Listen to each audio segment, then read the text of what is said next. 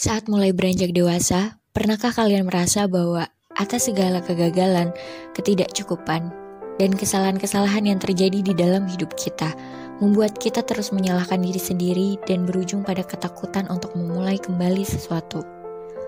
Saat sesuatu tidak berjalan sesuai dengan apa yang dimau, atau saat diri kita berlagak di luar kendali sehingga mengacaukan sesuatu, beberapa cenderung menyalahkan diri terus-menerus sampai-sampai merasa diri sendiri tidak berguna. Karenanya, ku ingat sebuah cerita sederhana, cerita yang sedikit membuka mata. Inilah ceritaku 11 tahun yang lalu tentang teko merah dan biru. Bel sekolah berbunyi, tanda kegiatan belajar mengajar usai. Murid-murid di sekolah dasar berlari keluar kelas dengan sorak gembira. Si pemilik cerita yang saat itu duduk di kelas 3 berada di salah satu kerumunan itu. Badan kecilnya terdesak-desak Ketika murid-murid lain menyerbu tukang es dan jajanan kaki lima, mata mungilnya justru terpaku pada gerobak lusuh di seberang jalan yang menjual mainan teko kecil dari tanah liat yang dicat warna merah dan biru. Gerobak itu tampak sepi. Tanpa ragu, ia memutuskan untuk membelinya. Si gadis kecil pun menyeberangi jalan dengan hati-hati. Dan dengan gembira, ia membawa teko itu pulang. Satu teko berwarna biru dan satu teko berwarna merah. Ia sudah tahu untuk apa ia harus membawa teko kecil itu ke rumah. Sampai di rumah, diletakkannya dua teko itu di rumah kayu yang dibuat ayahnya untuk bermain. Teko itu digunakannya sebagai saksi atas perbuatan buruk dan baik. Jadi begini, setiap ia melakukan keburukan seperti tidak menuruti kata mama atau berteriak tidak sopan menyuruh mbak, maka akan ditulis keburukannya itu di dalam gulungan kertas dan diletakkannya ke dalam teko merah.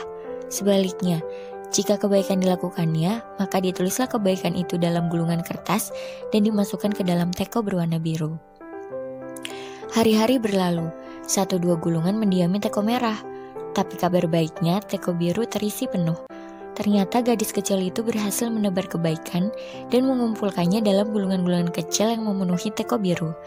Kebaikan-kebaikan kecil sederhana dilakukannya, sesederhana memberikan satu gelas air putih untuk ayahnya sepulang kerja, atau sesederhana mengajak pengemis perempuan sebayanya untuk makan rujak bersama-sama, atau sesederhana membeli coklat spesial Valentine dengan pita dari uang tabungannya untuk diberikan pada guru sekolahnya yang beda agama.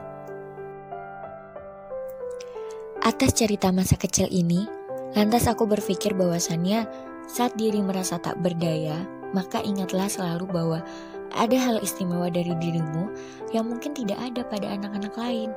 Saat dirimu merasa tidak berguna, maka lihatlah ke belakang sejenak. Saat versi kecil dirimu dulu menjadi kesayangan guru mungkin, atau saat ibu membisikkan bahwa kamu berharga baginya, atau mungkin ingat-ingat saat kamu jadi kebanggaan sekolah karena menang dalam lomba pidato. Ingatlah segala hal sederhana, karena hal-hal sederhana terkadang membuat kita lebih bermakna. Percayalah bahwa menyalahkan diri atas segala sesuatu tidak akan dapat mengulang kejadian yang ingin kita perbaiki kembali. Dan merasa diri sendiri tidak berguna untuk hidup bukanlah jawaban atas sesuatu yang kita sesali. Saat dirimu merasa tak berdaya, maka ingatlah selalu bahwa akan ada hal istimewa dari dirimu yang mungkin tidak ada pada anak-anak lain. Terakhir, cerita ini bukanlah sebuah pengakuan baik. Hanya saja, ketika diri ini terlalu menyalahkan diri sendiri atas semua kesalahan-kesalahan yang ada, maka cerita ini yang kuingat, di mana seorang anak kelas 3 SD memutuskan untuk membeli teko dan memenuhinya dengan gulungan-gulungan baik yang mungkin hal itu tidak terpikirkan oleh anak-anak lain seusianya saat itu. Ini cerita sederhanaku yang istimewa. Mana cerita istimewamu?